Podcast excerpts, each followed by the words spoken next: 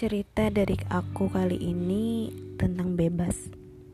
Hmm, kira-kira episode cerita dari aku kali ini untuk siapa ya? Untuk diri kita sendiri mungkin? Sepertinya iya.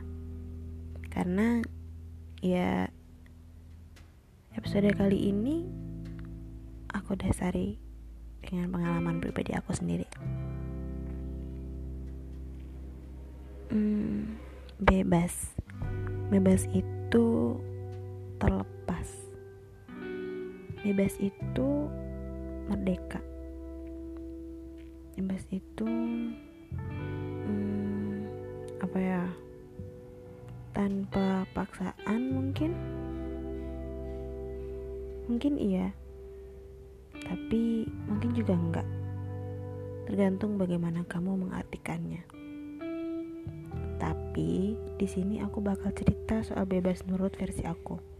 Karena karena ya tadi yang kayak aku udah bilang sebelumnya kalau cerita kalau semua yang aku kasih tahu di sini itu berdasarkan pengalaman aku sendiri.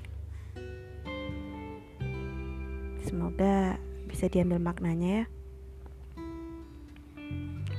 Pernah gak sih kalian tuh merasa kayak lelah banget untuk menjalani hari-hari? Aku aku pernah. Jadi, aku sempat mengalami penolakan di lingkungan teman-temanku. Membayangin aja.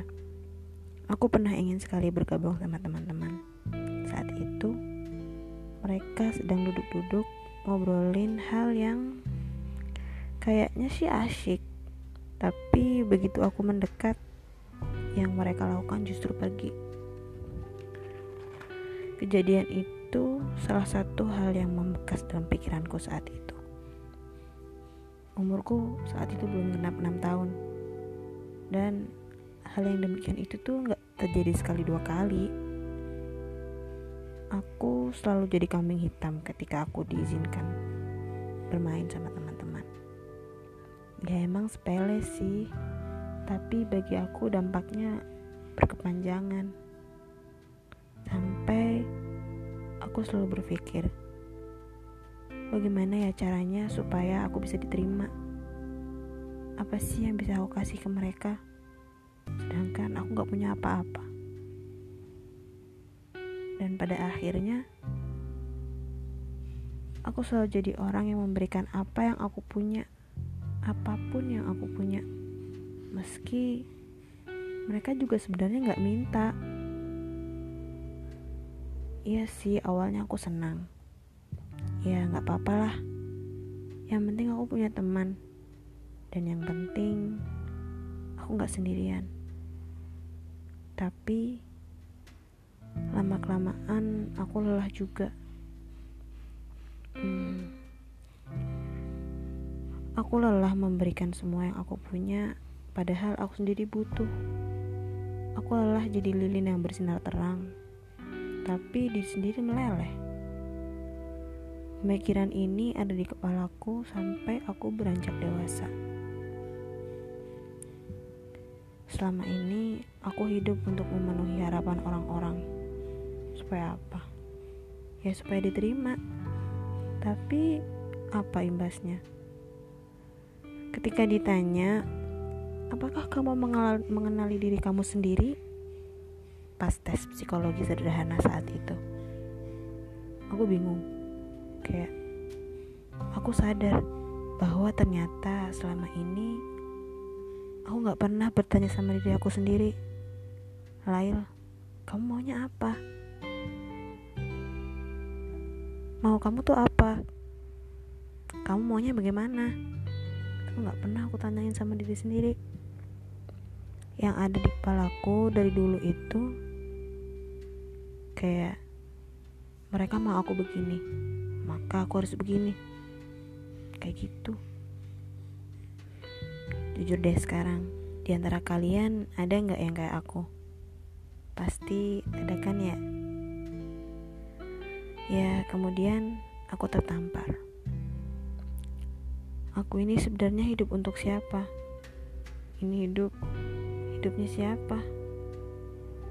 Kok aku gak kenal sama diri aku yang sebenarnya? Hmm. Terlalu terkekang sama ekspektasi orang-orang Itu tuh ternyata bisa bikin hilang jati diri Kemudian Perlahan aku menata diri lagi Bahwa Sebenarnya untuk apa aku mengemis agar seseorang tetap tinggal Karena pada dasarnya nggak ada satu orang pun yang worth it untuk kita mohon-mohon supaya nggak pergi.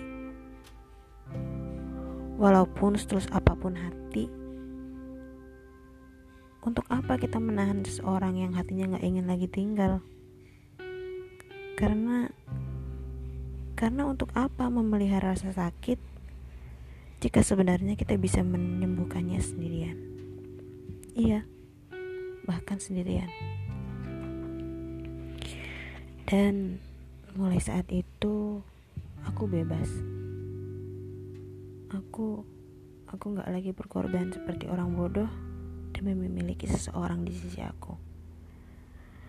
Aku juga akan datang kepada siapa pun yang ingin aku datangi. Ya, tentu kalau diizinkan ya. Aku juga berani melepas siapa pun yang ingin pergi. Karena karena berjalan bersama hati yang tidak lagi sevisi hanya akan membuang-buang energi.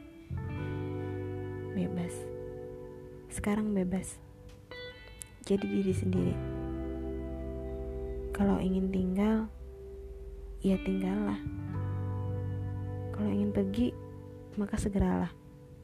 Karena ya karena yang jelas aku tetap butuh waktu untuk membereskan sisa-sisa yang kamu tinggalkan gitu. Jadi sekarang tanya sama diri kamu sendiri. Udah bebas belum?